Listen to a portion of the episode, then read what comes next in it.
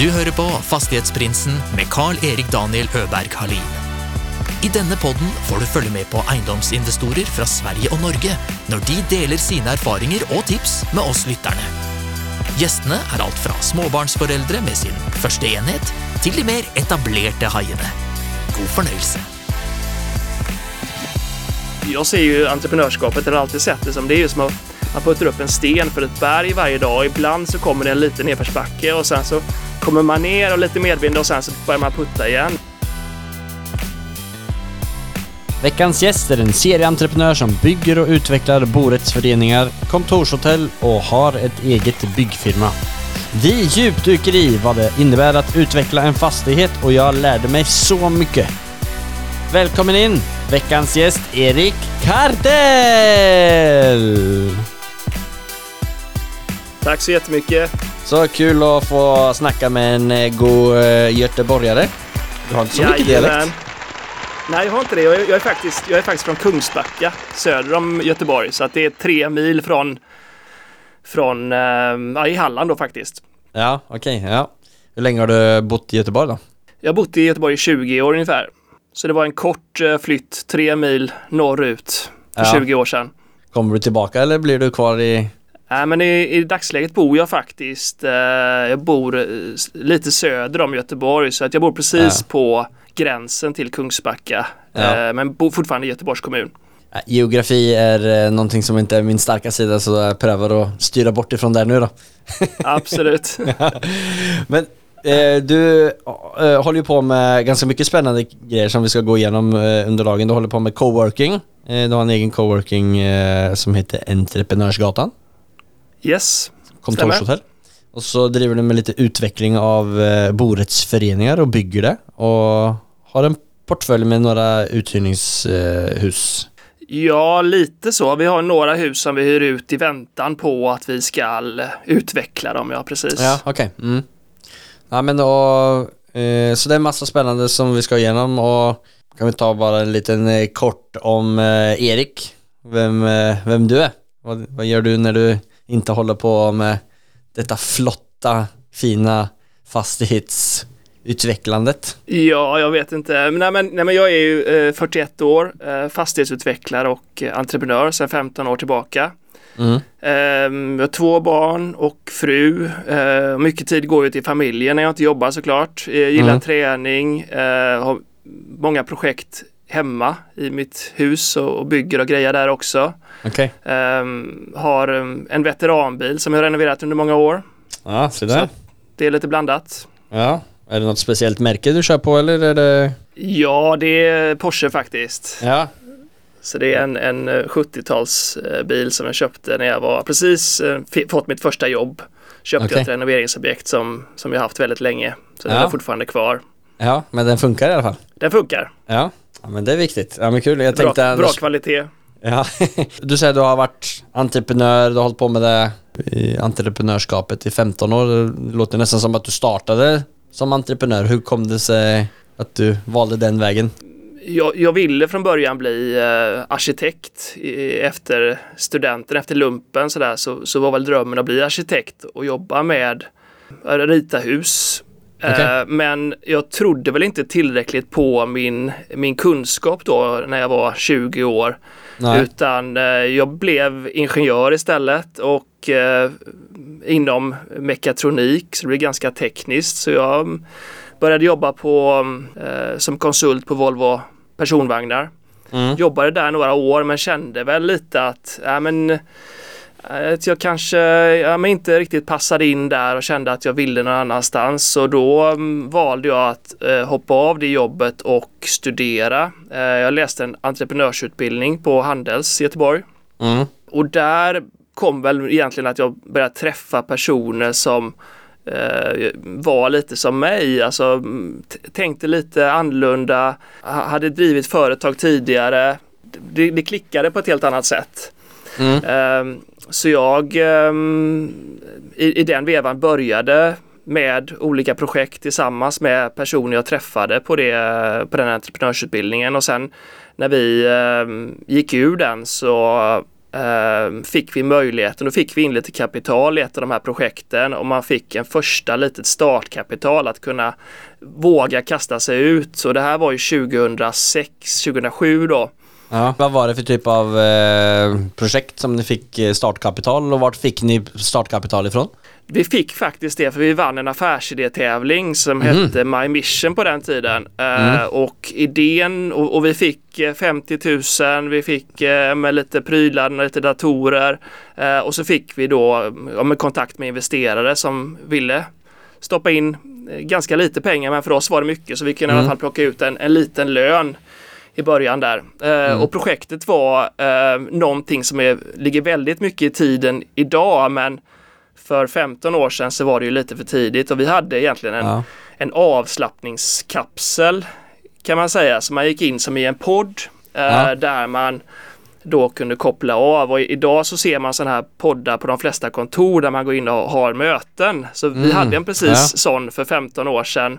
Eh, men den var mer fokuserad på att koppla av och inte prata telefon som, som, eller ha Teamsmöten som är det idag. Ja. Eh, så, så det hade säkert blivit ett, ett bra företag om det om vi hade fortsatt. Men Ja. det, det gick inte så bra. Vi lanserade väl den här jättedyra produkten precis eh, 2008 vid eh, ja, Lehman Brothers-kraschen där. Ja. Eh, så, så, men sen så genom att vi startade upp så eh, träffade jag andra företagare. Vi satt på en inkubator. Det var andra personer som inte kunde det jag kunde. Så, så började jag konsulta lite och sen så blev jag delägare i något bolag och så, Mm. ehm, så egentligen rullade vidare ganska långsamt där. Och Mm. Jag var ju 27-28 år, hade inte så mycket kostnader eh, privat utan han bara jobbade på för att det var så himla roligt. Mm. Och att man fick möjligheten att vara sin Ja. egen. Grymt. Och steget vidare till eh, att börja hålla på med fastigheter eh, ifrån, eh, var det någonting, som, alltså var det någon person som du mötte i alla den här konsultverksamheterna verksamheterna du körde på med alla företag som du ramlade bort i? Eller? Ja men absolut. Det var egentligen en person från Handels som också drev ett företag. Mm. Och han och jag, jag hade ju satt ju på inkubatorn och hade mitt företag och han satt hemma och hade sitt företag. Så vi bestämde att ja, men vi hyr en lokal gemensamt. Mm. Eh, och ehm, då tog vi över en liten lokal från en mäklare. Eh, och, och sen så var det, hyrde vi ut lite kontorsplatser. Och Mm. eh, blev ett, ett gott kompisgäng där. Vi jobbade mycket, eh, satt kvar länge på kvällarna och, och eh, ja, hade det trevligt. Och, och det Mm. blev som ett, ett kompisgäng. Eh, och Mm. det var ju egentligen påbörjan till någonting som, som kallas coworking idag. Men då Ja. var det bara ett kontor med lite gott folk. Du, du var före i din tid med allt egentligen. Nej, jag vet inte. Eh, Men eh, så, så det, det tuffade väl på lite grann. Vi, vi hade bara 150 kvadratmeter på den tiden. Ja. Det satt eh, tio, tio företagare där och eh, ja, det rullade på. Sen så, så det var egentligen att man kom in lite i det här med att börja bygga och snickra och vi renoverade den här lokalen. Och, Ja. eh, efter några år så, så skaffade vi en lokal till och, och så rullade Mm. det på. Och i, i dagsläget så heter vi ju då Entreprenörsgatan Mm. Eh, och det heter vi för att vi började på en gata där vi skaffar flera olika lokaler för vi växte ju ur lokalerna hela tiden så då skaffar vi Ja. nästa och så hette den Ingenjörsgatan tycker vi, men den kan heta Entreprenörsgatan istället. Ja. För det satt ju massa entreprenörer där. Ja. Eh, och idag så har vi men 8-9 eh, lokaler, ungefär 4000 kvadrat i centrala. Göteborg. Oj, Eh, okej, det är ju och det är stort. 120 företag och flera hundra personer som sitter i våra lokaler. Wow. Eh, så, så, men det har ju tagit 13 år Mm. att, att bli det. Så att det har ju bara det har ju fått växa vid sidan om Ja. de andra verksamheterna som jag har haft. eh, Och de, de tio första åren så var det bara hobby eh, Mm. kan man säga. Och det var, man, drev vidare bara för man träffade härliga Ja. personer och, och det, det var som ett sätt att som ensamföretagare eller Mm. att, att träffa andra personer helt enkelt. Ja, men det var ju jättebra upplägg för att som sagt möta mer eh, likasinnade och Ja, och, Samtidigt och, och det kan jag kunna- verkligen rekommendera om man är nystartad att skaffa en flexplats på ett coworking space bara för att inte sitta hemma och, Ja. och kanske bara lyssna på poddar eller lyssna på, kolla på Ja. YouTube eller Ja. eh, utan komma ut och träffa människor för det är ju, det är ju där det händer. Det är ju mötet Mm. mellan människor eller olika nätverk där man Mm. verkligen kan eh, och, och man vet aldrig vad som kan dyka upp. Om någon hör vad du gör och sen tipsar Mm. vidare så, så, så kommer det till slut till dig men det, det tar ju tid. Ja. Det är ju inget ja. som, som man bara kan gå ut och tro att det ska smälla till direkt. Utan, Nej. Nej men det där coworking eh, kontorshotellsupplägget har ju varit väldigt populärt i andra länder innan corona också. Eh, Ja, menar att jag läste någon statistik innan corona att eh, alltså i 2017-18 så började jag undersöka det där lite grann och då var det i London så var det upp mot kanske 30-40% av alla kontorsareal i hela London var på den tiden alltså sådana kontorshotellslösningar. ja det, det kommer mer och mer och Göteborg ligger ju eh, en bit efter Stockholm och jag märker ju att vi har inte alls haft kanske samma utveckling som det varit i andra städer och det kanske börjar komma ut, komma igång lite mer i Göteborg Mm. nu Mm. eh, efter pandemin. Ja. Vad kostar det att hyra en plats eh, på ett sånt, eller hos er då, på, på en sån? Eh, Men vi, Lokation. vi har ju lite olika eh, medlemskap som vi kallar det. Mm. Det första är ett flexmedlemskap. Då har du tillgång till lokalerna, du får utskrifter, kaffe eh, och du kan ta en plats för dagen. Och det ligger på runt 2000 kronor i månaden plus moms. Mhm. Eh, och sen så nästa steg är att man skaffar en fast kontorsplats och Mm. sen så kommer man upp till kontor. Och idag så har vi kontorslösningar då från ja, men 7000 upp till 100 000 i månaden. mm. Så det är det är verkligen den bredden. Man kan verkligen komma in med en, en liten, för en liten summa och komma in i nätverket och sen så Ja. kan man jobba sig upp och många som kommer in som flexa men de, nästa steg för dem är ju att skaffa en fast kontorsplats eller Mm. kontor och så kan man växa och låta Ja. sitt bolag växa. Mm. Eh, och det är ju jättekul att se när företag flyttar ut och, och växer ur oss. Även om det är Ja. tråkigt så är det ju Ja. på något sätt en framgång för dem och att Mm. det här funkar. Att Mm. de har kunnat börja med en liten, liten summa pengar och sen växlat upp i takt med att intäkterna ökar. Och jag ser det även från större företag nu som ser fördelen med att kunna ha flexibiliteten. Det är väldigt resurssmart, alltså Mm. miljömässigt, att du delar på ett kök och några konferensrum som du bokar istället för att alla ska ha sitt e sina egna Ja. grejer.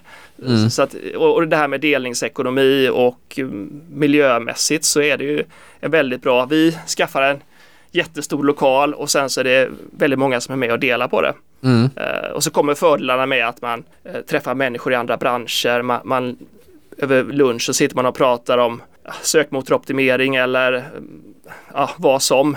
Alltså utifrån investerars perspektiv, alltså hur ser en sån eh, det är ju en del risk med om man inte klarar av att få satt, eh, hyrt ut alla platser. Alltså om du har 100 platser till exempel som du får, alltså 100 kontorsplatser. Hur många betalande, ska jag säga, kunder har man på den lokalen då? Eh, för de, alla är ju inte där hela tiden. Alltså, det ser man ju på de Nej, flesta kontorer. Ja, men det är jättesvårt att säga eh, och det är klart att det finns alltid andra branscher som är mer lönsamma såklart. Eh, Mm. men, men vi har väl sett en, eh, med den verksamhet som vi har drivit i många år att oavsett om det är högkonjunktur eller lågkonjunktur, det har inte varit så mycket lågkonjunktur de sista Nej. åren här men, men även under pandemin så, så var det många som behöll sin plats eh, Mhm. för att man känner att man vill ju ändå tillbaka dit. Du vill Mm. inte bara sitta hemma utan och det blir ju också en tröghet i verksamheten för att det är så många olika företag. Man har inte en kund som, som jobbar mot en bransch som Nej. kanske går dåligt utan det är så himla brett så det finns Mm. alltid någon som det går bra för som kanske behöver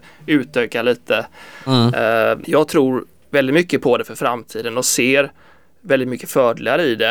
Eh, Och det är Mm. därför vi väljer att expandera. Vi öppnar 2500 kvadratmeter till nära centralstationen i Göteborg Mm. Okej. nu i höst. Där vi även har eh, vi har ett jättefint orangeri, vi kommer att ha ett café, eh, uteservering. Ja, men det blir som ett verkligen ett andra hem är ju tanken också. Att, Ja. att det blir en, en plats man vill åka in till för att man träffar inte bara sina kollegor utan träffar ändå andra människor för att Mm. det måste vara någonting som ska locka en från att från hemmakontoret. Att, Ja. att man inte åker in till ett ja, men, tråkigt kontor Ja, någonstans utan man känner att ja, det, är, det är så kul att vara där och det är så mycket andra spännande människor så att det ger det här lilla extra Mm. som, som gör det värt att ta bilen eller bussen.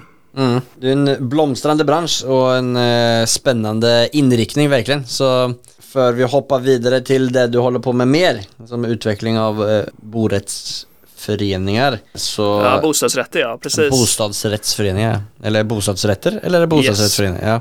Bostadsrättsföreningar kan man Ja. säga. Ja, är eh, talförvirrad så det där. Utöver det här kontorshotellet som jag har eh, drivit i många år så Ja. driver jag ett fastighetsbolag som heter Ja. Calera Fastighets AB där vi Ja. har en, ett, en, en mängd dotterbolag tillsammans till det. Vi har bland annat ett byggföretag med ungefär 20 anställda. Okej, du har Eh, det. Och det är jag en, kompan en kompanjon som driver det tillsammans. Mm. Eh, och vi börjar väl egentligen den första affären vi gjorde var efter jag då själv hade köpt min första lägenhet och utvecklat den. Jag byggde en vindsvåning i centrala Göteborg så sen så köpte jag en, en tomt privat och, och byggde ett hus och så lärde Mm. jag mig väldigt mycket på det. Ja. Eh, sen så var det väl att familjen tyckte det var mindre roligt att bo i ett byggkaos. Så eh, det blev väl lite att nej, men nu får jag göra det här på arbetstid istället. Ja. Så under ganska många år så hade jag eh, tittat väldigt mycket på Blocket. Ja. Sverige, blo- svenska Blocket. Mm. Och både köpt och sålt gamla veteranbilar, designmöbler. eh, kö- Köpte billigt och eh, fixade till och sålde lite dyrare. Mm. Eh, och sen så blev det ju när jag hade så, så hade de tjänat lite pengar på det och sen så en dag var det 2005, 14, 15 någonting när precis hade byggt klart mitt hus så dök det upp en annons på en gammal kyrka eh, i Mölndal utanför Göteborg. Okej. Eh, jätte, ja men konstig annons där det inte stod så mycket utan det var bara ritning på en jättefin en skiss på en jättefin byggnad och Mm. jag ringde den här personen direkt och såg till att jag var där som, som första och tittade på Mm. vi, visningen. Mm. Och den var ju totalt förfallen, det var ja, men, helt möglig och eh, rutten hela kyrkan. Mhm. Eh, men jag tänkte ändå, här kan man, här kan man bygga bostadsrätter, tänkte jag. I en kyrka? Eh, blir, vem, vill, vem, vill, vem vill inte bo i en kyrka? Ja. Eh, och den låg hyfsat centralt i Göteborg. Okej. Så vi, eh, men grejen var ju att jag hade ju inte så mycket pengar. Eh, jag hade ju inte så mycket kontakter. Men jag hade ju min drivkraft så jag tänkte jag måste ju hitta någon som vill göra det här med mig. Ja. Men Eh, vänta, kunde hur, såg, hur såg den här kyrkan ut? Alltså var det en sån klassisk kyrka med högt torn och... Ja men det var, det var en, en metodistkyrka så det var ju en sån litet kapell kan man säga på, jag tror det var 400 kvadratmeter någonting. Så vi, vi Ja. tänkte väl att men vi kunde bygga ut den lite grann och fixa till den lite grann. Eh, Okej. Fördelen med den var att det var ju inte klassat som en kyrka utan det var klassat som, eh, ja men det, det var lite flexibelt så att du kunde egentligen både göra hotell, du kunde göra lägenheter, du kunde ha verksamhetslokal. Så att det var en väldigt Ja. flex- flexibel detaljplan. Och det var ju det som var den stora fördelen med det, Mm. såklart. Ja, verkligen. Innan vi går vidare på det så tänkte jag bara ta en liten avbreak, ta lite sju snabba frågor bara för att Yes, Eh. okej. eh, ställa om lite. Jag ger dig två alternativ. Är du klar? Ja, Morgon eller kväll? morgon. Strand eller fjäll? Både och. Nybygg eller renovering? Nybygge. Utveckling eller portfölj? Ah, Det är egentligen både och, Ja. men utveckling får jag väl säga. Ja. Värdeökning eller hög yield? Ja, men det är väl, eh, nej men jag, jag tror hög yield är väl Papper och penna eller digitalt notatblock? digitalt, absolut. Sista frågan. Alperna eller Avenyn? Alperna. Ja, i och för sig, du var ju inte, du var ju inte från Göteborg helt så du är inte superpatriot. Nej, men jag tror att eh, är man från Göteborg så kanske inte Avenyn är det där man hänger allra mest. Nej, nej, kanske. Det är om man Nej. kommer från Oslo kanske.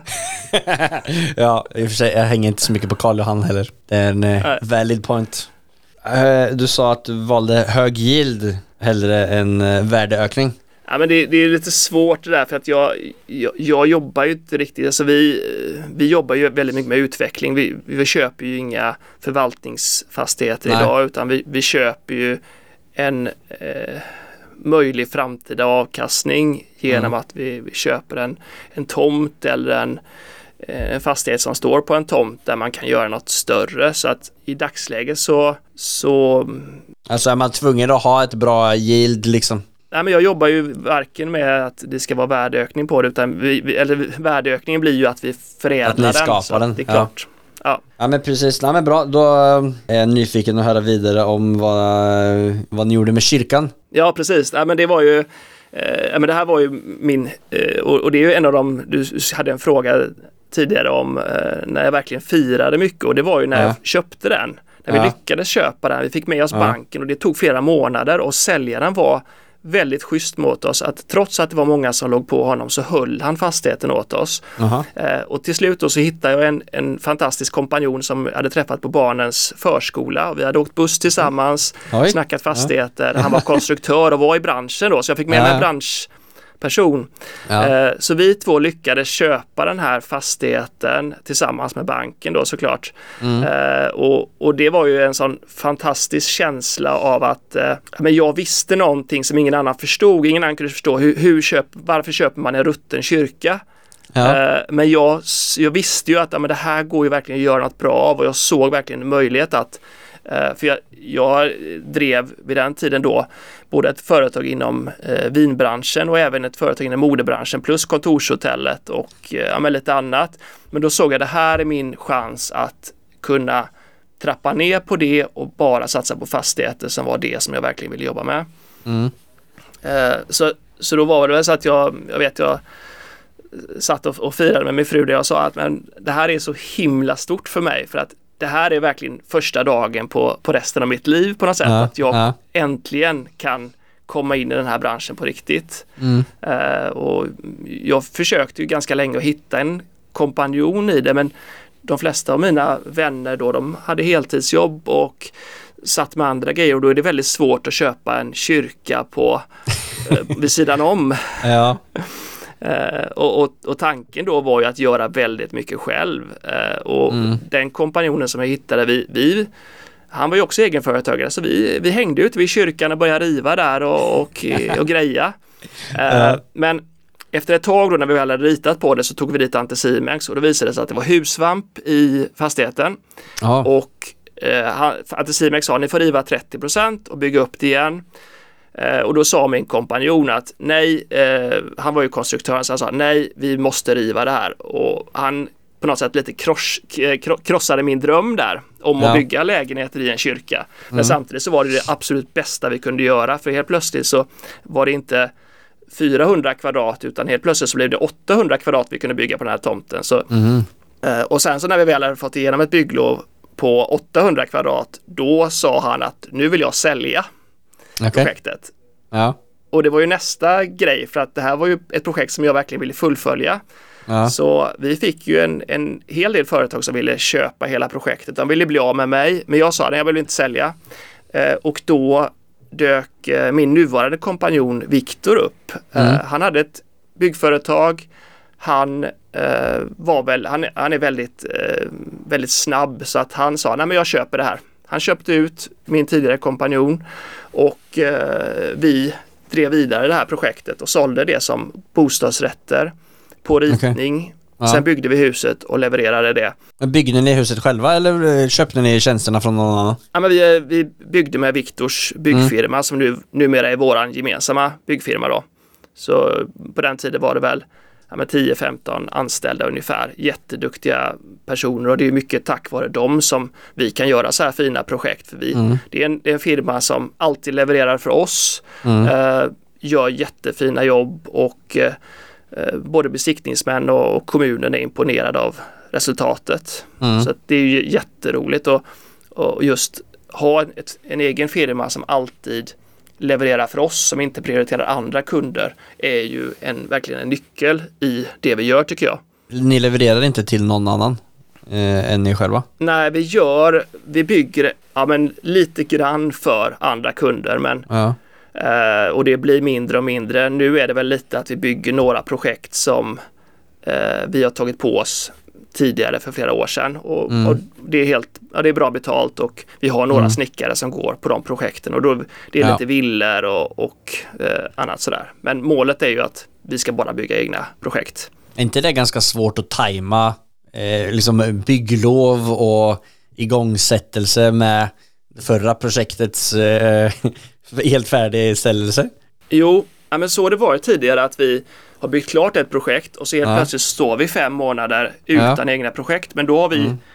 tagit externa projekt. Ja. I dagsläget så har vi vi har nog en men tre, fyra bygglov som är klara som bara väntar på att byggas. Så nu är det egentligen byggfirman som inte hinner bygga våra projekt Mm. Nej, okej. utan de, de ligger med startbesked klara att börja byggas. Vi hade faktiskt Mm. ett, ett, eh, ett projekt där bygglovet förföll nu för det hade gått två år sedan vi fick bygglovet Aha. så att nu var vi tvungna att börja med det. Eh, Ja. så, och eh, i dagsläget så har vi väl sju fastigheter och projekt som, som ligger i pipeline framåt. Vissa bygger vi just nu och andra har vi precis köpt och håller på och eh, utvecklar. Vilken storlek är det som, eh, som du snackar om, de här sju projekten? Vad, hur, hur stort är, är de? Nu håller vi på och diskuterar ett, ett eh, projekt på uppemot 4000 kvadrat men det vi normalt sett brukar bygga ligger på ja, upp till 2000 kvadrat ungefär. Hur många lägenheter får man ut av eh, två eller fyra Ja, tusen? men, eh, ja, men det sista vi byggde var 34 lägenheter. Mm. Så, så den storleken funkar bra för vår egen firma och sen när det Mm. blir större projekt så kommer det vara att vi tar in extern, eh, Ja. Externa byggfirmor. Men när man sitter och har bygglov på ett par projekter som ligger i pipen, då sitter man och äger tomt. Så det måste ju vara bundit upp ganska mycket kapital eller att man har Abs- ja, massa absolut. rän- rän- räntekostnader som, som tickar på dem. Absolut, Nej, men det, det, det har vi och eh, det är ju, eh, där får man ju hela tiden ha en avvägning att vi måste ha, vi har ju våran eh, likviditetsplan så vi ser Ja. pipelinen, men då säljer vi det projektet, okej då kan vi köpa nästa och sen så Mm. eftersom vi köper fastigheter där det ofta står någonting, det, det står ofta en gammal villa där eller ett gammalt garage, ja, men då ser vi till att när vi finansierar det från banken då har vi hyresintäkter på den fastigheten så, så den, den, den driftar ju sig själv. Mm. Sen har vi, vi har ett par fastigheter där det bara är en tomt och det är klart där är det bara räntor som, som Ja. går ut. Ja. Eh, och vi har ju våran, det är ungefär tre år från vi köper till vi till projektet är klart. Så det är klart att det blir ju en del. Mm. Man, man får ju se det som en vilken affärsverksamhet som helst. Ja. Men det, det, är så, det är så det funkar. Och de här fastigheterna vi har där vi har hyresgäster, de, men de går plus minus noll och sen så är det klart att det man stoppar in i utvecklingsprojektet det kommer ju till det såklart. Mm. Men det, det, intäkterna betalar ändå räntorna och driften av dem. Har du något, eh, någon sån benchmark på eh, procent av eh, total projektsumma eller något sånt? Vad ni förväntar er i, i resultat på ett sånt eh, treårsprojekt? Ja, Men det har jag ju absolut vad vi, vi siktar på. Sen så är det ju väldigt ofta så att eh, kalkylen ser ofta väldigt bra ut när man räknar på det Mm. och sen när man väl har byggt det så är det en helt annan kalkyl Ja. tyvärr. Ja. Så, så att det är ju det som är fördelen med att jobba med fastigheter att marginalen i alla fall när man börjar räkna på det är väldigt bra. Ja, ja. Så att även om det skulle dra över med några miljoner så, så, Mm. så, så går det ihop sig ändå. Sen så har vi visst, vi har gjort projekt där det varit plus minus noll.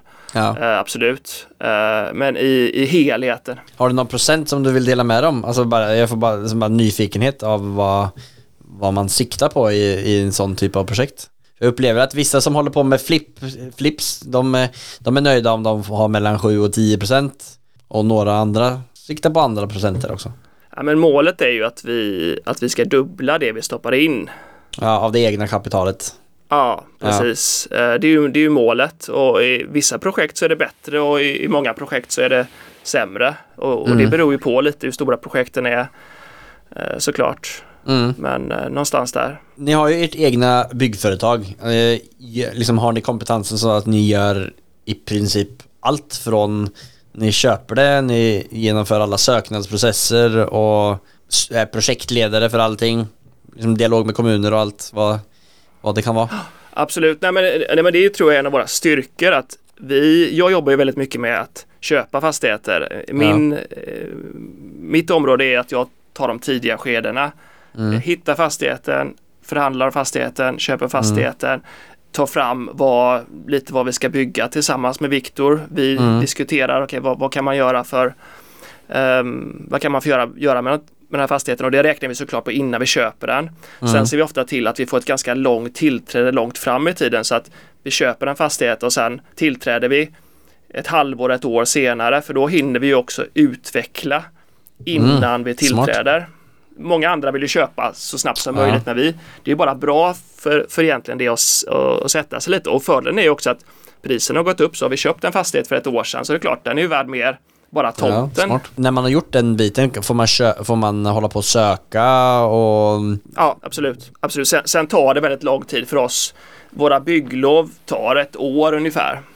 Mhm. För att vi, vi har ofta en färdig detaljplan men det är ändå så att vi, vi vill ju bygga så stort som möjligt och då, Ja. då är det ju grannar som inte tycker det är det bästa och kommunen Nej. tycker inte alltid det är det bästa. Så, så det är ju Mm. hela tiden en, en förhandling med både grannar och kommunen och ofta så är det så att vi, vi, kanske, vi kanske börjar med ett lite för stort hus och sen så förhandlar man ner det eh, under tiden. Mm. Eh, sen nästa steg är ju att vi, ja, men vi ritar huset eh, och det gör vi delvis själva men också med jätteduktiga arkitekter vi jobbar med. Och vi ritar eh, rätt häftiga hus eh, och vi jobbar ju, vårt koncept är också att vi gör ganska små lägenheter. Så det är ju lägenheter som egentligen är den första lägenheten kan man säga. Så Ja.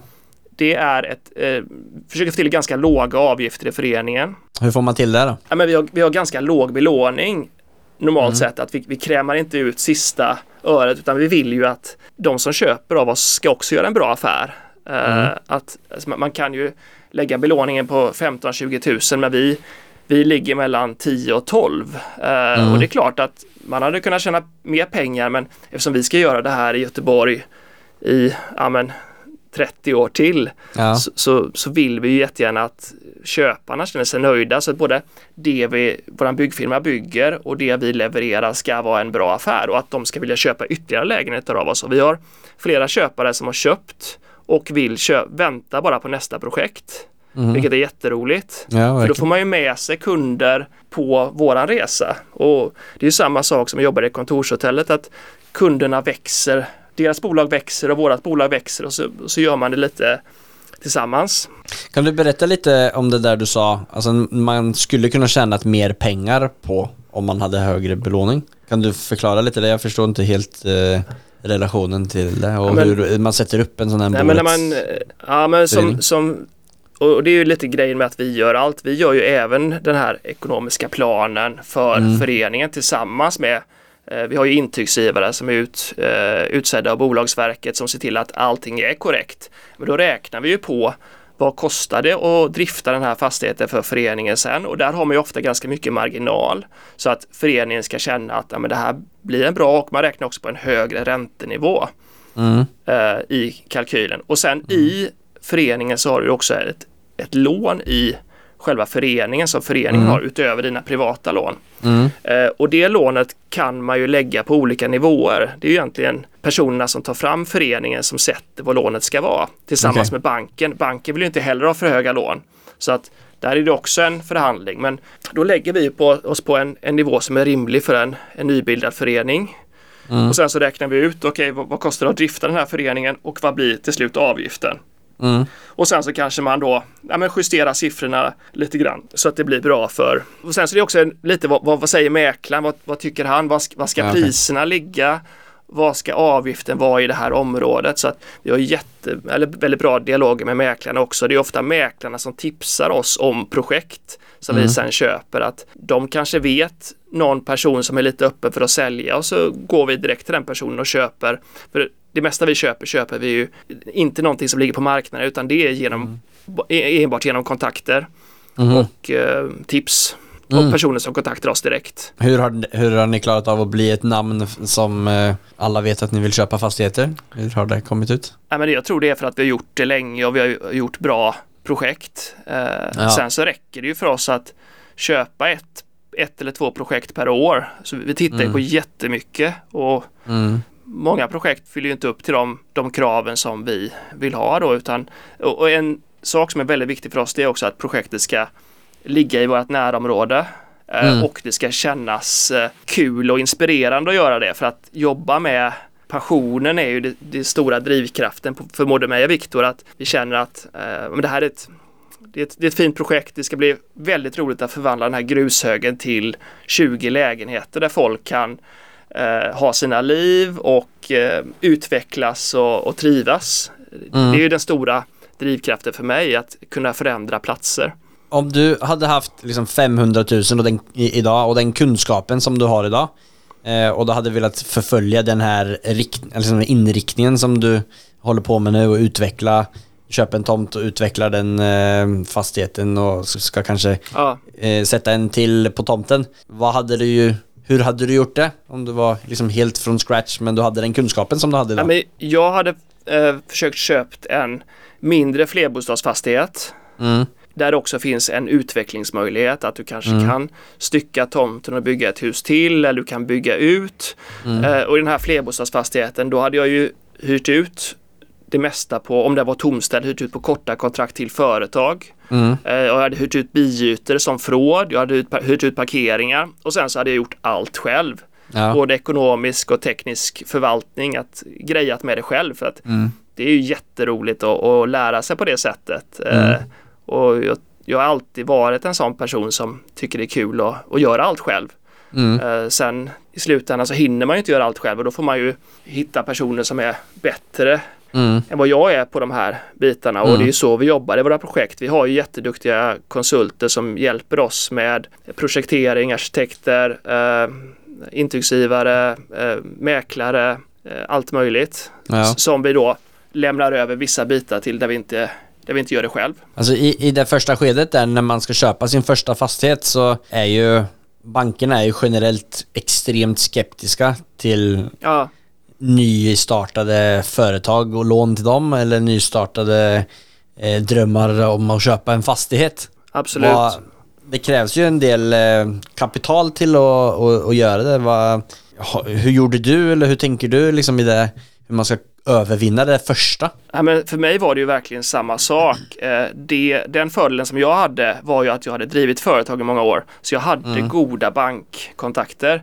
De visste att eh, de rapporter jag lämnade in eller, de prognoser jag lämnade in de stämde. Och jag hade en bankman som sa att ja, men dina prognoser stämmer bättre än en stor, vad en stor CFO på ett större bolag lämnar in. Att Han visste att han litade på mig eh, och det blev så som jag hade prognostiserat på de här företag som jag hade drivit. Så när jag kom till honom och sa att jag vill köpa den här fastigheten och han sa att det kommer flera i veckan som vill köpa sådana här fastigheter. Och vi säger nej. Men Ja. På grund av våran relation och att han visste att, eh, att jag ville, så jag är ju väldigt, väldigt tacksam för, för det. David, kan jag Ja. säga då. Shout heter. out to Dave. ja, nej men det där är någonting som jag har eh, liksom fångat upp lite nu också. Eh, I det sista så jag har stångats, eh, eller mött många banker som inte har velat ge mig lån. Eh, så det slutade ju upp med det här första projektet att vi valde, eller vi hade inget val än att gå till crowdfunding eh, och, och samla in det därifrån. Ja, Eh, just av den anledningen för att skaffa track record så förhoppningsvis på kanske andra Exakt. fastigheten eller tredje fastigheten så, så, så får vi en, eh, har vi någonting positivt förhoppningsvis att visa till. Men just det där att skapa en relation när du har en annan verksamhet. Alltså att du har haft dina klädverksamheter, du har drivit dina andra företag. eh, Bara att du har haft en, ett företag och drivit det och skapat den relationen, som du säger. Eh, det många av mina gäster gjort. Det har kommit upp lite för mig att det är en väldigt bra väg att gå även om det är en liten verksamhet som man ska göra. På, eller så kan det vara bra att skapa en liten verksamhet på sidan bara för att skapa creds för det är svårt att bara komma dit och köpa första fastigheten och få med banken. Då får du nästan casha den själv. Ja, så är det Och ju. så, och så går det två, tre år innan eh, du kan få refinansierat den eller något liknande och få gjort någonting till. Ja, ja precis. Och, och det var ju i början så tog jag ju, då var det personlig borgen och jag hade Mm. gjort några privata fastighetsaffärer så jag hade ju ändå eh, lite track Mm. record på att jag hade en fastighet och det fanns ett litet övervärde i den så att Mm. då, då, då kunde man snurra runt den. Men den första fastigheten så hade vi råd och vi hade egentligen råd att köpa tomten men vi hade inte råd att genomföra projektet. Nej. Men genom, boots, genom bootstrapping och att vi då ritade det här eh, huset och fick bygglov för det så blev det helt plötsligt ett helt annat värde på den fastigheten. okej. Och helt plötsligt Ja. så kom ju eh, andra fastighetsutvecklare och ville köpa den av oss. Så att det gäller ju Ja. på något sätt att eh, och det, det är ju där man får komma in, att man försöker hitta någonting, eh, se någonting som inte någon annan ser. Ja. För att all, alla ser det som, som finns på Hemnet eller Mm. Objektvision. Mm. Eh, Så att hittar man någonting annat då där man kanske får tag på det på något annat sätt Mm. Så tror jag att det är en väldigt bra väg att Två frågor. Bo- vad är bootstrapping? Men bootstrapping är ju någonting som du, eh, när du gör väldigt mycket själv eller att du du, du anlitar eller får hjälp av nära och kära kan man säga. Ja. Att eh, i, I början så har man ju inte råd att ta in Nej. anställda eller konsulter utan då får man lära sig allt. Och, och jag har alltid tyckt det var väldigt roligt att ja, lära, lära mig Photoshop eller Excel Ja. eller eh, snickra eller vad som helst. Alltså, Mm. det är, det är så, så man får börja. Har man, ingen, men man har tiden, man har, man har inte pengarna. Nej. Och, och sen så förhoppningsvis efter ett tag så, så har man lite mer pengar och kan Ja. anlita folk som, och då går det lite snabbare och blir lite bättre och så, och så är bollen i rullning och jag Mm. ser ju entreprenörskapet, har alltid sett det som det är ju som att man puttar upp en sten för ett berg Mm. varje dag. Ibland så kommer det en liten nedförsbacke och sen så Mm. kommer man ner och lite medvind och sen så börjar man putta igen. Det är Mm. ju bara, och jag är ju hela tiden inne i sådana perioder nu så står jag inför jättestora satsningar och det är klart Ja. att det som jag kanske var, som när jag gjorde min första affär när jag köpte en container med cyklar för 15 år sedan, det var ju 100 000 kronor. Det var Mm. jättemycket pengar för mig då att satsa det och jag låg sömnlös och tänkte tänk om jag förlorar det här, vad, vad händer Mm. då? Nu Mm. är det jättemycket större satsningar Mm. men det är ändå samma, eh, Mm. samma, samma känsla som, som kommer igen att Ja. man, man tvivlar lite på sig själv och, eh, och det hör jag av många personer jag träffar som att det är ofta problem med att få banklån, att med likviditeten, att, att kunna, oavsett hur mycket pengar man tjänar så, så är det lite det här att vrida och vända på det. Och eh, Mm. det är ju det som är lite bootstrapping, att kunna lära sig att göra mycket saker själv. Ja, okej. Det finns väl inget svenskt ord som, eh, som är eh, liknande till det. I Norge så är det något som jag kan nästan dra en parallell till som heter dugnad. Eh, Man jobbar, alltså typ som när man är ute och kör eh, vårstädning när hela grannskapet ska ut och städa. Är det lite Ja, samma? Ja, Jag brukar ibland använda ordet att man harvar. ja okej. Harva lite. Ja. Ja men det är, att- det är att man, man, man, sliter egentligen ganska mycket för, för ingenting känns det ju ganska Ja. länge. Att man håller på, man, jag vet jag har stått många gånger med, med en bil som har havererat eller du vet någonting och man står där med liksom alldeles för lite tid och alldeles för mycket liksom, ja men du vet det bara skiter Mm. sig. Eh, Mm. Och då känner man vad håller jag på med liksom? Mm. dags att skaffa ett jobb. Eh, men, men sen så, så, så sover man och så vaknar man upp nästa dag och så ser man ja, nya möjligheter och har glömt det jobbiga. Tänker du nå- nå- något sånt? Alltså seriöst liksom eh, att fan vad skönt det hade varit att ha ett jobb? Eller alltså vara anställd? Jag, jag har alltid sett det de första åren så, så såg jag ju det som en, en möjlig utväg att ja. Ja. men, skiter det sig så kan jag alltid ta, ta en anställning.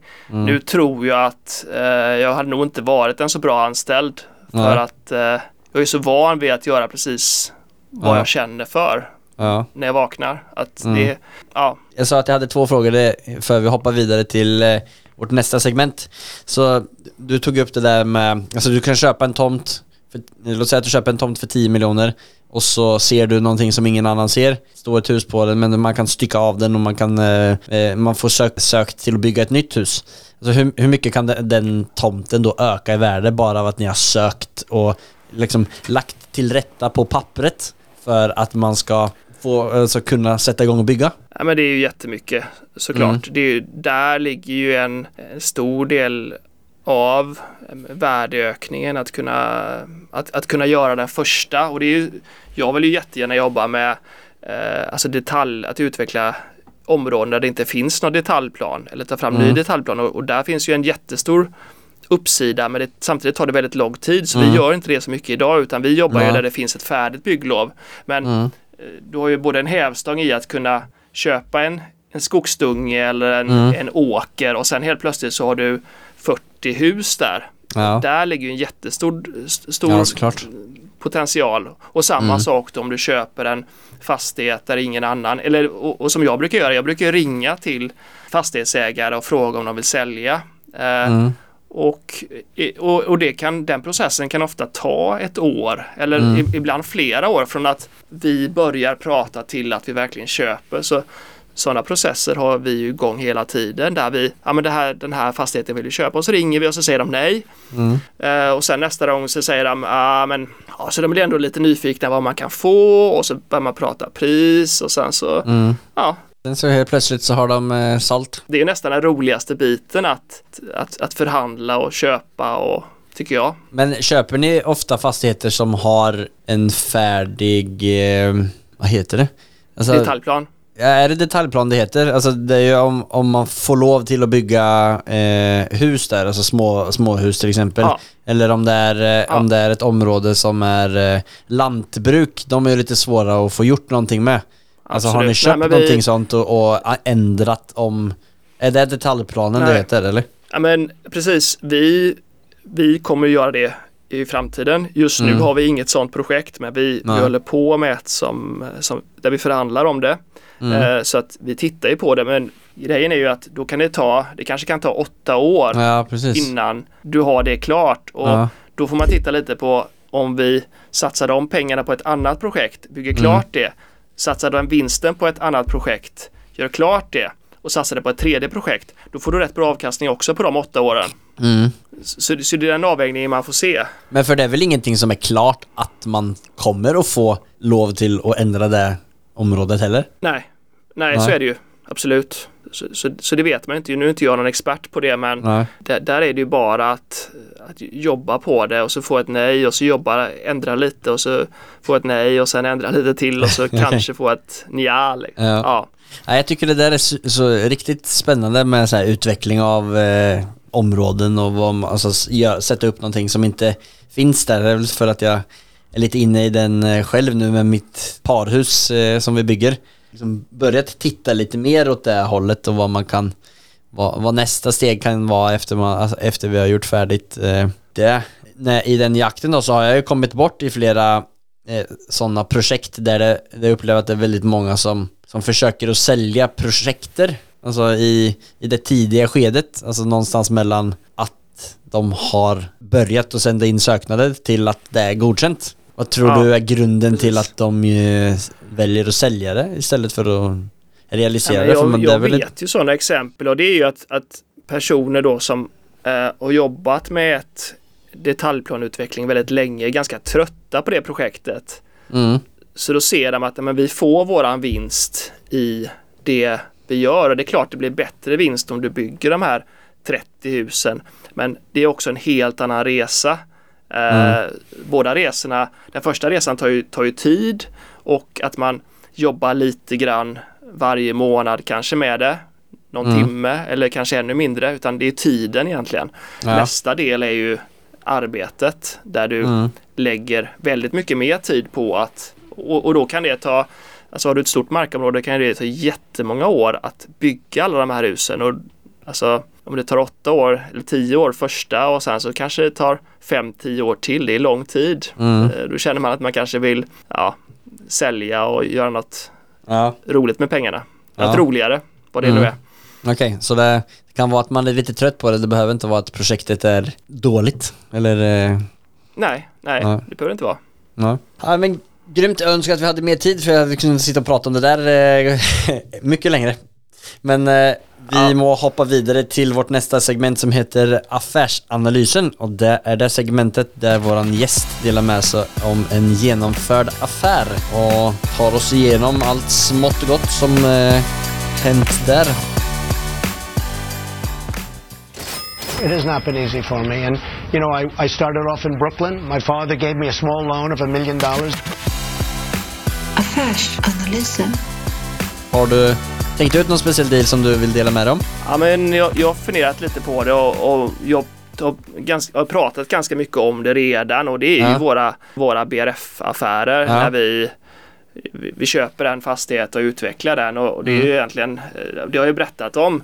Eh, att, att köpa en fastighet, eh, sen så rita ett hus, förädla fastigheten, sälja lägenheterna på förhand, bygga huset, leverera huset och sen Mm. sitter jag ofta kvar ett år i styrelsen. Det är den Mm. processen vi brukar Mm. göra och där har vi ett par projekt. Mm. Eh, ett lite annorlunda projekt som jag kom över det var en, eh, en markanvisningstävling faktiskt som eh, Älvstranden Utveckling som ett kommunalt bolag utlyste för några år sedan. Då mm. hade de en, en vattenfastighet i Göteborgs hamn, alltså en bit vatten som de sålde. eh, och den här tävlingen gick ut på att du skulle, du skulle beskriva din vision för platsen. Ja. Du skulle eh, ha dina referenser. Mm. Att du kunde genomföra det. Mm. Och du skulle sätta ett pris på det. Okej. Eh, så att eh, jag fick nys om det här via, via mitt nätverk och eh, tänkte väl först, nej men det här, hur, hur ska vi kunna köpa den här och hur ska vi, vad ska vi hitta på? Men Mm. eh, jag eh, tror jag cyklade hem från, från kontoret någon gång och så helt plötsligt så bara kom alla idéerna till mig. Mm. Eh, och då skissade jag lite på att bygga en, ett hus på den här tomten som ligger på Lindholmen i centrala Göteborg. Ja. Eh, där du eh, i bottenplan skulle ha en food court och sen i de övre planen coworking som, som jag redan drev då. Så att Mm. den här, det här konceptet följer väldigt väl ut för att staden ville ha en mötesplats i, i den här hamnen och Mm. eh, det priset som vi ville betala var väl rimligt så de vägde egentligen våra referenser, priset och visionen tillsammans Mm. och vi fick Mm. möjlighet att köpa den här tomten som den ligger ju bara några hundra meter från Karlatornet som håller på att byggas nu som är, Ja. Sveriges högsta byggnad. Så Ja. det, det är en fantastiskt läge och att vi som en liten fastighetsutvecklare får köpa den, det var ju en, en, ett genombrott kan man säga.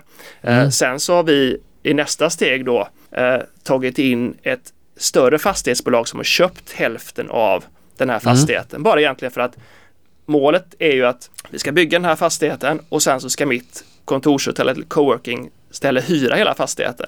Så i det här Mm. fallet så blir jag ju fastighetsägare och eh, den som driftar verksamheten. Mm. Så att då på något sätt slut cirkeln över det jag håller på med, att Ja. kunna bygga fastigheter och sen vara hyresgäst i dem själv. Ja. Eh, och det är ju en styrka kul. utöver att vi har ett, ett byggföretag, att även kunna vara hyresgästen. ja. du kan verkligen Eh, hoppa runt på alla stolarna och, eh, i, i den leken. Ja, precis. Eh, och, och sen så att, att det här fastighetsbolaget som köpte in sig eh, var ju också väldigt, väldigt, eh, en väldigt framgång för oss. Att de Ja. såg oss små som intressanta och ville samarbeta med oss för att vi har delar som inte de har. Får man fråga vem det är? Eh, de heter Husvärden eh, Mm. i Göteborg. Så kul. Lennart Larsson och Andreas Grindebacke. Ja, kanske de kommer med på podcasten lite längre fram. Vem vet? Absolut. De Ja. har väldigt spännande historia. Ja, ja men då så. Då får du hook me up. Absolut. När eh, sätter man igång eh, med det här bygget och när förväntar man att det ska vara färdigt? Vi hoppas väl att det ska vara klart om två år. Mm. Eh, något.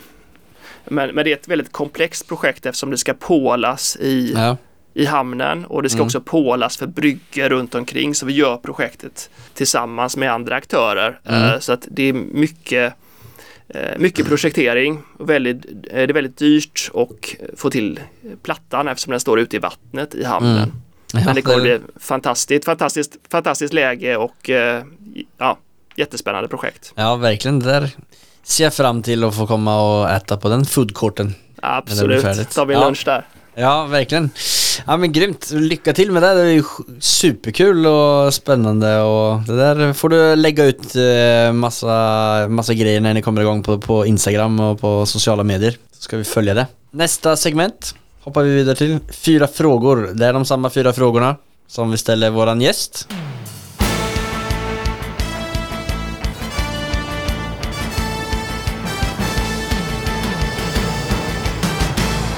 Cuatro preguntas.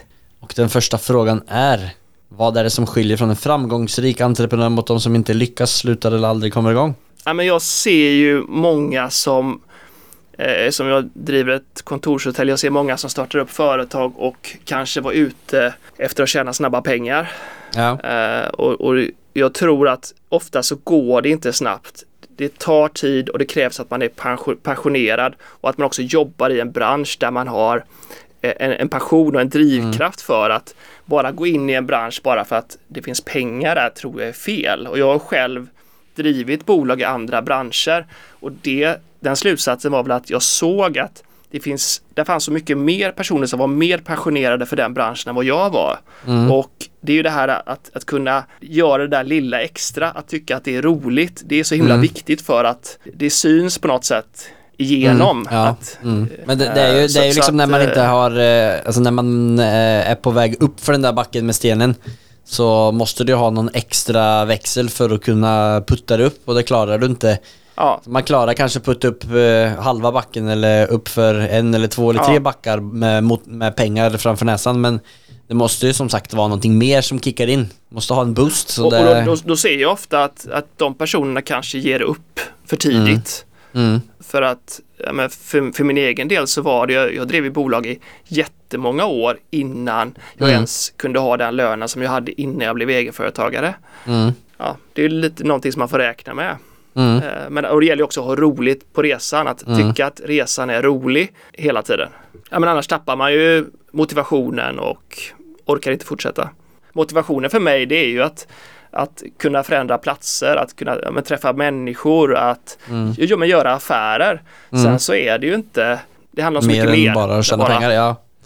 Nej men Ja. och, och alltid, som du säger, det är ju mer, alltså det är ju så klyschigt det här med eh, att det är resan som spelar roll men det finns ju ingenting som, som är när jag bara når det här målet, då kan jag börja göra det här eller då kommer jag känna så här. Utan man måste ju pröva att fläta in det i helheten för annars så kommer det där målet att vara väldigt mycket längre bort. Ja, men när jag gjort klart ett projekt då, då hinner jag knappt fira utan man är på det hela tiden. Men det gäller ju också att, att kunna leva livet och kunna Mm.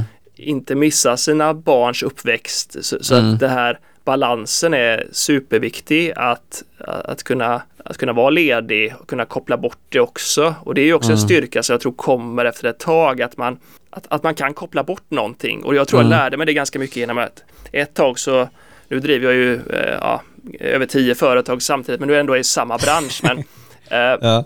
från början så var jag i olika branscher och då var det så här, Ja. då hade jag en dag där och så nästa dag var där och då var det så här, då fick man stänga av det andra för att kunna fokusera på det man gjorde just då. Då Mm. blev det att man, man blev bra på att kunna växla eller byta hatt, som man säger. Mm. Inspirerande det alltså.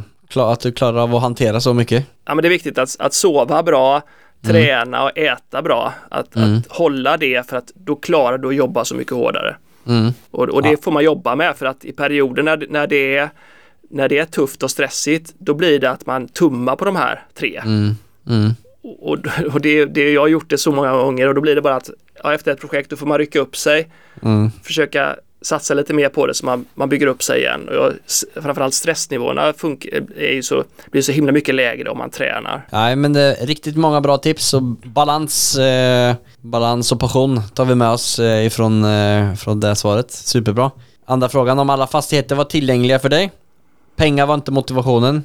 Vilken fastighet hade du förvärvat och varför? Men jag tycker ju om att jobba i mitt närområde så att fastigheter som ligger i Göteborgs innerstad, Mm. eh, de är ju jättedyra och inte så himla bra avkastning på dem. Eh, Nej. Så att man, man tittar inte på dem, men jag drömmer ju om att äga dem för jag älskar de här gamla vackra Mm. fastigheterna.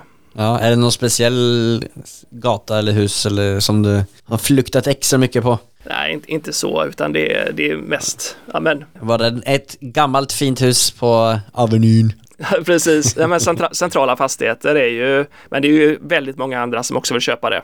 Ja. Så att eh, Ja. vi håller oss strax utanför innerstan. Ja men bra. Tredje frågan. Boktips för en som är intresserad i fastighetsinvesteringar. Men jag har, jag har faktiskt inte riktigt några bra böcker Mm. kring det utan jag har ju lärt mig genom att göra misstag och Ja. göra affärer. Och jag läste inte heller så mycket om det innan jag gav mig in i det utan det blir att man kanske läser någonting efter. Eh, men, mycket, jag, jag gillar ju det här med passiva inkomster och jag gillar Mm. eh, ja, men de här investeringarna och alltså entreprenörstänket och då är ju två böcker som är den här 4 hour work week och Mm. Rich Dad Poor Dad. Det är ju sådana Mm. klassiker som alla Ja. nämner men det, det finns väldigt mycket bra tankesätt i Ja. det att kunna bygga en, jobba med passiva inkomster, att man inte heller behöver hela tiden, som jag har gjort väldigt mycket, lägga sin tid utan man, man kan skala ner på tiden och att, att det ändå rullar på. Ja. Båda böckerna är riktigt bra. Eh, Tim Ferris, han är fin kille. Sista frågan. Nämn det mest storartade, roliga och minnesvärda sättet du har firat en genomförd affär eller seger på. Eh, ja men det har jag faktiskt pratat om båda de två redan och det var ju Mm. när jag köpte den första kommersiella Mm. fastigheten, den här kyrkan. Ja. Eh, när jag, när jag, jag var så otroligt glad att jag hade köpt den och jag såg jag såg verkligen att det här kommer förändra Mm. vad jag, mitt, mitt, fram, mitt framtida liv. Mm. Eh, det var ju, då, då, då firar jag inombords i alla fall. Ja. Drack champagne men det var ju det var Ja. inte så att jag flög till eh, Las Vegas och, eh, eller något sånt där utan det var, Nej. Ja, men det var Eh, ett var stort lite- moment och du firade det var ett stort, det var absolut ett stort en moment. liten så, eh, jazzdans i vardagsrummet. lite så. Viktigt, är- alltså det viktiga är att man känner att man firar. Det behöver inte vara att man eh, spenderar, eh, sätter på sig spenderingsbyxorna utan det kan ju vara att skrika ut högt bara och känna att det var superbra. Bara klappa sig själv på axeln. Absolut, det är så ju. Eh, är det några speciella deals eh, som ni är på jakt på eller är pipen allt för full? Ja, men det är ju, vi har ju en hel del att bygga men det Mm. börjar ju ändå bli klart en del projekt också. Så Ja. vi tittar ju alltid efter bra projekt i Göteborgsområdet, markområden, fastigheter Mm. som kan utvecklas. Och vi gör jättegärna samarbeten. Eh, Ja. Så många av de projekten vi driver gör vi tillsammans med andra konstellationer. Mm, okej. Eh, och ehm, så, att det är bara att, att ringa och höra av sig om man har någonting spännande så kan vi titta Mm. på det. Hur tar man bäst kontakt med dig då? Det är ju via att du, man kan mejla till hej eller e, hej kalere.se eller via Instagram eller LinkedIn. Och connecta Mm. gärna. Vad heter du på, link- eller på Instagram? Det är ju mitt namn då, Erik Kardell. Ja. ja, men då lägger vi alla länkar i beskrivningen så får ni ta kontakt och Erik är öppen för samarbeten och massa nya tomter. Så bara hör av er. Tack så jättemycket för att du var med och delade. Jag har fått eh, lärt mig massor och fått många nya tankar som jag säkert kommer vara besatt i, i och ändra inriktning i min hjärna i kommande veckor. Det tackar jag både för och, bli, och inte tacka för för att det, jag inte klarar av att hålla fokus på det jag ska göra. Tack själv, det var eh, kul att lära känna dig också och höra om din resa. Ja. Så stort lycka till. Jag ska höra av mig nästa gång i Göteborg. Nu börjar det bli ganska många som jag har intervjuat i Göteborg så vi får ta en liten eh, träff i, Göteborg eller så kanske jag inviterar alla till att komma till Oslo snart. Vem vet? Det hade varit kul. Bra, nej, men då får du hoppa vidare till alla dina hattar och stolar som du ska sitta på och så hörs vi. Det gör vi. Ha det fint. Hej då. Jättebra, hej hej. Det här kunde jag, som ni vet, ha snackat om hela dagen. Erik kommer få många frågor framöver. Både av mig och säkert av er också. Jag går så igång på det Erik beskriver om att hålla på med många olika grejer inom fastighetsbranschen. Det blir spännande att följa med på den där utvecklingen av bygget i vattnet. Och Här kom det ett litet sms från Erik. Ja, det var... Okay. Angående träffen i Oslo. Jag behöver fyra stolar som jag kan hoppa runt på. Så jag kan känna mig bekväm. Kan du hålla av det? Ja. Såklart vi kan fixa det. My busy man. Ha det!